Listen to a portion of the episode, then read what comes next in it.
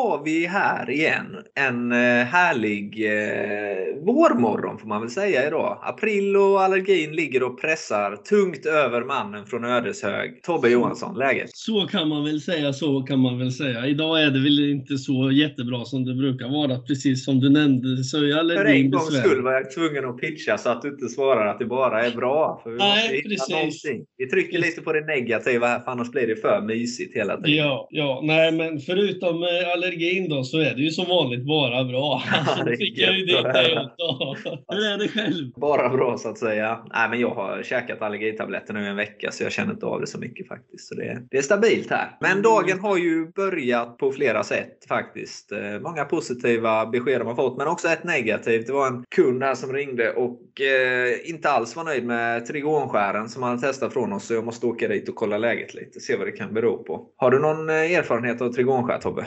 Jag har ganska mycket erfarenheter av trigonskär kan jag säga. Nu har jag inte många års erfarenhet av våra egna trigonskär, men av trigonskär i allmänhet kan man väl säga. Mm. Och jag är, inte den, jag är inte det största fanet av trigonskär av många olika anledningar. Mycket intressant. Trigonskär är ju, för de som inte vet, ett eh, populärt vändskär som funkar både inom svarvning och eh, borrning. Det är eh, trekantigt kan man säga, fast med en liten mer unik form, då, så kallad trigonformen. Då. Tre skäräggar per sida och så oftast vändbart med då. Ja. Eh, Sex skäräggar per ägg då. Och Ja. dess ekonomiska fördelar har ju då gjort det väldigt populärt. Men det finns Ja. några nackdelar med det också. Så eh, den här religionen, trigonismen då, som, som har framavlats eh, framförallt kanske i Småland där, där de är ekonomiskt lagda. Kanske har några argument här från Tobbe om varför det inte är så pass bra. Vi får se. Ja, nej men eh, det här är ju alltså mina egna personliga åsikter givetvis. Ja, du, du förväntar dig en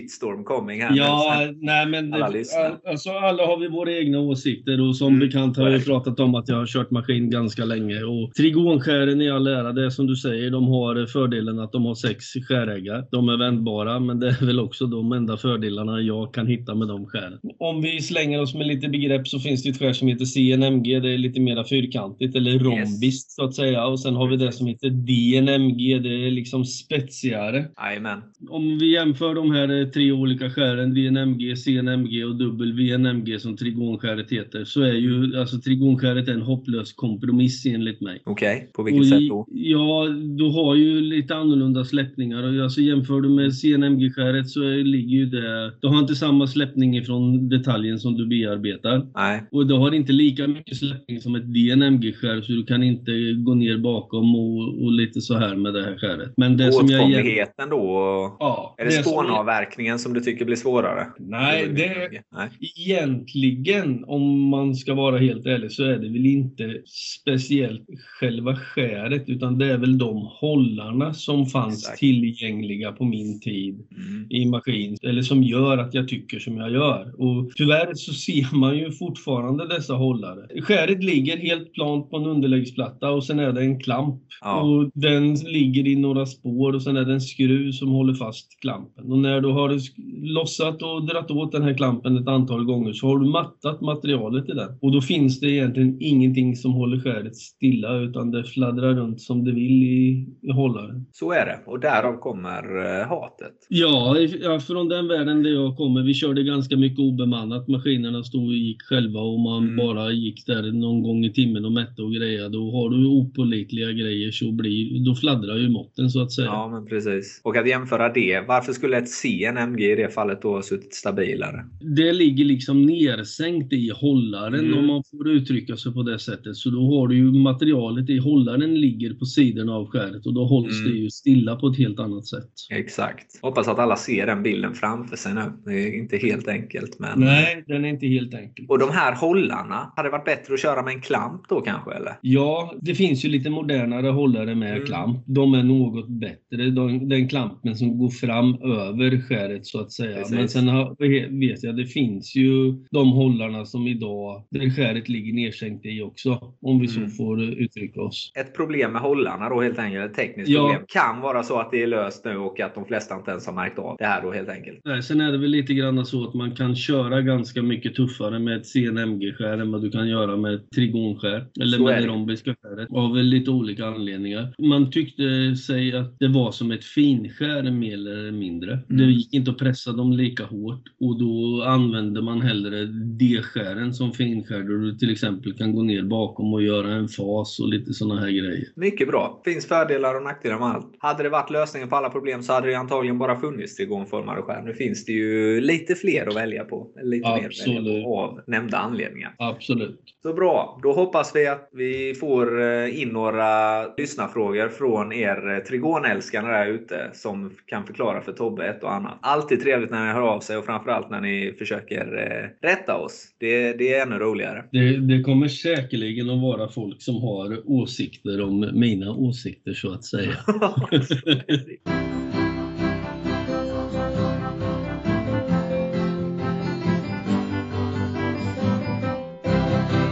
sen trigonskär, om man då dessutom använder, skulle, eller skulle använda fel sort uppe på det, då är man ju verkligen ute på fel eh, bana och cyklar. Det känns ju som man tar med sig en, eh, en vägcykel in i, i skogen och åker omkring. Liksom. Ja, men precis. Jo, men sorterna är ju otroligt eh, viktiga och eh, kanske framförallt när man har den här högre nosvinkeln att det är ännu viktigare med sorterna Ja. på de skär. Det spelar en väldigt stor roll. Det är ju de här. Frågorna som vi brukar tjata om i väldigt många avseenden. Faller, eller de frågorna faller egentligen in i alla avseenden. Vad är det för material och vad är det man gör och bla bla alltihop det här. Precis.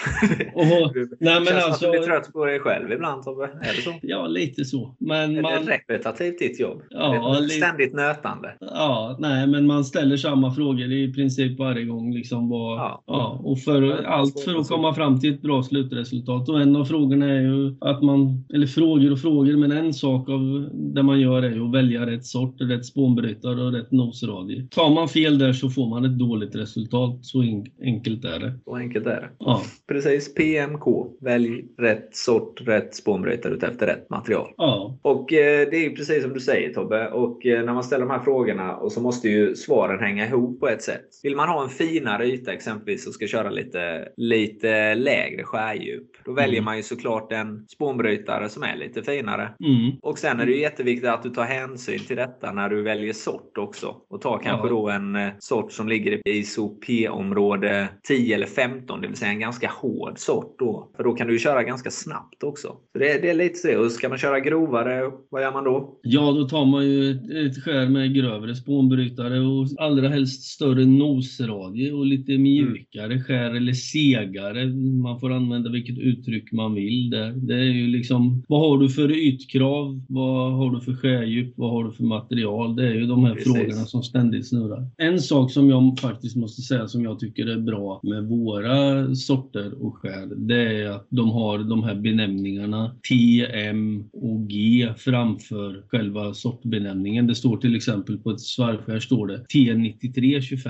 T står ju för törning. M står för milling. Det, det blir ganska enkelt att hålla reda på. För den som är så pass duktig på engelska som dig. Ja. Nu är jag väl inte världsbäst på engelska och jag vet ju att det är Nej. dit du vill komma men Ja, du sa det du, själv. förstår, du förstår vad jag menar i alla fall. Ja, absolut. Ja. Logiken i det hela. Är det. Ja. Men givetvis är det också så att olika operationer och olika bearbetningar har olika krav. Ibland Mm. så kanske man måste köra med en väldigt, väldigt hög produktionshastighet. Det krävs att man avverkar väldigt mycket spår. Och då kanske man ska köra med ett eh, grövre skär. En eh, brytare som kan göra lite högre skärdjup då, en Mm. R-brytare då exempelvis. Men ändå vill köra ganska snabbt med denna. Och då tar man ju en hårdare sort då givetvis. Det går att bomba på om man kommer få en högre avverkningshastighet. Men så kanske man måste bända skäret eller byta skäret lite oftare. Men det är ju så. Verktygskostnaderna ökar men samtidigt så spottar man ut fler bitar och detaljer och eh, Ja. får ett eh, bättre slutresultat. Ja, och en annan del i det hela som avgör hur man väljer skär och sort och lite så här, det är ju lite grann ingreppstiden tycker jag. Du kanske har en eh, lång slank detalj detalj. Ja. Men egentligen ett eh, material och en bearbetning som säger att du skulle kunna ha ja, ganska stor nosradie och en ganska seg sort. Men Ja. där du helt plötsligt kör under lång tid i ingrepp. Alltså en Mm. lång axel till exempel som ska bearbetas. Vilket gör att du får en hög värme i skärzonen. Och då kan man välja en eh, hårdare sort också. Jag har fått frågan en gång för många år sedan. De och bearbetade små tunna axlar och det bara vibrerade och de hade jätteproblem. Och när jag kom dit och så började vi titta på sakerna så visade det sig att de körde ett skärdjup på typ en halv millimeter. Axlarna var 10 millimeter i diameter. Men de Ja. hade skär med nosradie 1,2. Aj då. Ja. Ja, men det blir bekymmer. Jag har en gång i världen fått lära mig en liten tumregel är att man ska inte ha mindre skärdjup än nosradien. Exakt. Har du en 0,8 i nosradie så ska du aldrig gå under 0,8 mm i skärdjup. Stämmer mycket bra det. Då kommer du att få problem. Så enkelt är det. Så enkelt är det. Ja. Tobbe, där har du löst den. Hoppas Ja. att det vibrerar lite mindre ute i verkstäderna nu. Ja, det får vi hoppas. Så får vi se hur många som eh, kommer att skälla på mig över mitt hat över trigonskär också. Ja, vi hoppas att er eh, fanatiska trigonister hör av er och eh, förklarar ett och annat för eh, Tobbe Johansson. Jag hade faktiskt en liten tro och förhoppning över att jag skulle elda upp dig lite hårdare. För trigonskären är ju som du eh, var inne på populära i Småland och du är ju lite grann smålänning. så- Ja, lite så får man göra. Man får ju försvara, man får försvara det på det man kan. Vi får se om vi vågar släppa det avsnittet nu eller om vi måste införskaffa lite livvakter till dig nu först. Men ja, Ja. det löser sig nog. Det, det, det kanske faller bort i censuren det mesta. Man vet aldrig. Kan vara så.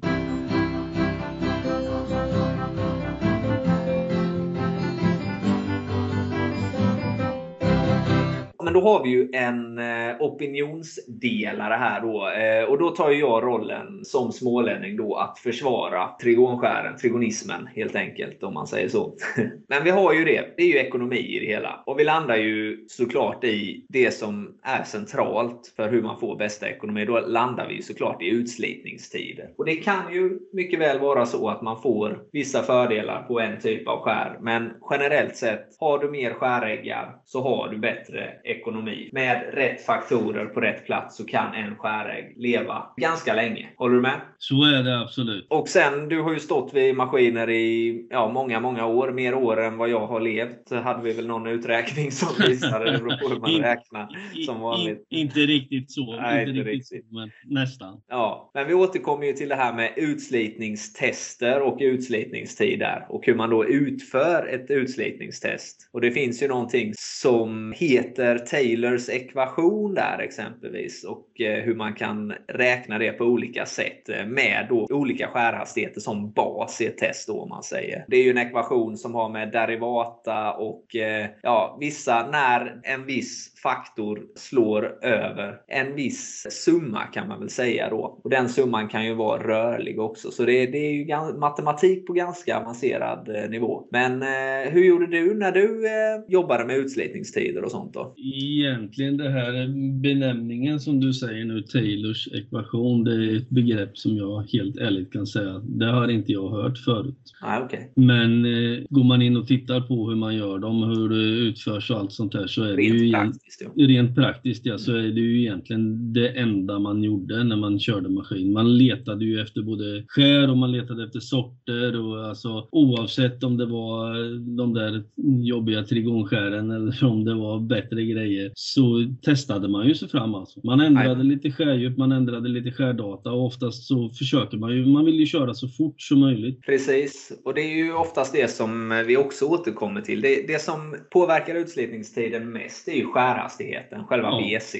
Ja, Eh, Så det är ju den man ska laborera med i första hand. Då ju. Och som du säger, sen har ju de andra, både skärdjup och matningen, en inverkan på det. Men man ska oftast, man ska ju bara laborera med en sak i taget. Annars är det väldigt svårt att få en eh, logik i sina tester om man säger. För man Mm. vet inte riktigt vad eh, de olika faktorerna gör med varandra. Om man då inte har väldigt noggrann dokumentation då. Där finns ju massa olika scenarion Mm. i ett sånt här test. Alltså vad, återigen, vad vill man ha för resultat? Ska du liksom, så som vi tittade på det när vi körde, vi, som jag var inne på förut, vi körde obemannat. Ja, Vi letade fram skär och spånbrytare och sorter och grejer så vi visste att den här maskinen klarar klarar sig i en timma. Sen måste vi stanna den. Vi kanske ska byta alltså grovskäret utvändigt, invändigt. Vi ska byta ett borr till exempel. Mm, mm. Och då, då gör man det för då har vi nått alltså, utslitningstiden. Men det får man ju prova sig fram till. Hur fort kan jag köra? För samtidigt vill du ju producera så mycket detaljer som möjligt. Exakt så är det ju. Det är ju den här bearbetningskostnaden. Det gäller ju att få ut Mm. ett resultat, få ut detaljer. Mm. Då gäller det ju att hitta den här BC, själva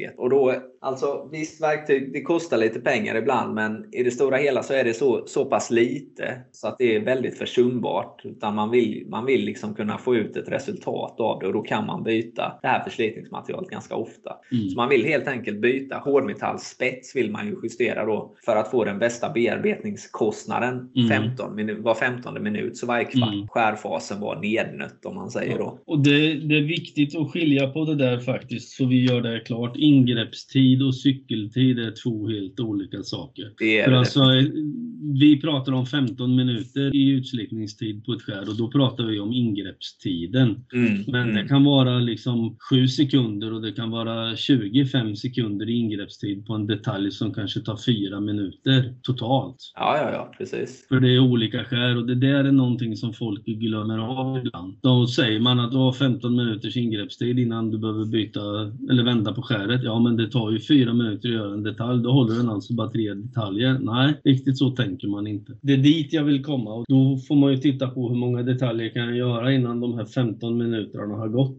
Om vi Precis. använder spetsen i 20 sekunder per detalj. Så är det. Och det är ju där, när den är, om man ska mäta förslitningen med ett visst värde då, det är ju när detaljerna som presteras inte får rätt yta eller toleransen då blir fel. Så att man får ut detaljer som ej är godkända. Då är ju Mm. förslitningen, då har den nått det värdet. Och man vill ju vara säker på att det värdet inträffar ungefär vid samma tillfälle varje gång. Pålitlighet på skären. Precis. Och det är ju den aspekten om du har kanske obemannade maskiner och du vill ha pålitligheten i att du vet att det klarar sig så här länge. Men tar man ett annat exempel där man kanske står och övervakar maskinen hela tiden, man ska inte göra Mm. lika många detaljer. Då vill man liksom bara, om jag så får uttrycka mig, sopa undan det jobbet och då kör man så hårt som det går och då kanske man tar till och ökar både skärhastighet och matning och det och vet, då vet man att det här skäret kommer inte hålla lika länge. Men det spelar ingen roll, jag står här, jag ser exakt vad som händer hela tiden. Jag kan liksom gå in och, och vända skäret oftare. Det kanske är uträknat att det här skäret under rätt förhållanden ska hålla i, i 20 minuter i ingreppstid men jag pressar det så pass så jag är nere på 12-13 kanske bara för att då är jobbet ändå klart. Ja, men så är det ju. Så är det ju. Och skärdjupet ska ju liksom då, det bestäms ju om man säger i logiken, i logikens alla regler. Det skärs ju Mm. först, bestäms ju först och främst utifrån detaljen, arbetsstycket. Och sen så begränsas det ut efter maskinen. Och matningen sen då. Ja, även här kan man ju bestämma ganska mycket för det, vi pratar ju ofta om något som kallas för passeringar. Man styr ju antalet passeringar med skärdjupet. En del maskiner är styrda på det sättet så att du skriver in hur många passeringar du vill göra eller vad du har för skärdjup och det där ska man tänka till lite på. Så man eh, har eh, koll på ingreppstid för har du 5 mm att ta bort så kan man köra typ 2,5 i skärdjup om man inte har några jätteytkrav. Då kör man två passeringar och då håller du ju nere ingreppstiden. Precis. Delar du det på tre skär till exempel, vilket man kan få göra ibland för maskinen är för klen, men då får Mm. man ju längre ingreppstid. Och resultatet är att du får vända skäret oftare. Mycket bra Tobbe. Med det sagt så får vi pausa den här diskussionen kanske återuppta den vid ett kommande tillfälle. Stort tack till er kära lyssnare. Vi hoppas som vanligt att ni haft många trevliga minuter här med oss och eh, att vi hörs igen nästa vecka. Absolut. Precis som du är inne på så får vi nog pausa den här diskussionen för jag kommer nog inte att ge mig vad jag tycker om trigonskären. Nej, det har vi förstått. Vi släpper den för idag och sen eh, kör vi vidare en annan gång. Det gör vi. Tack så mycket ni som har lyssnat. Vi hörs nästa gång. Tack så mycket. Ha det så bra. Hej då! Hej då!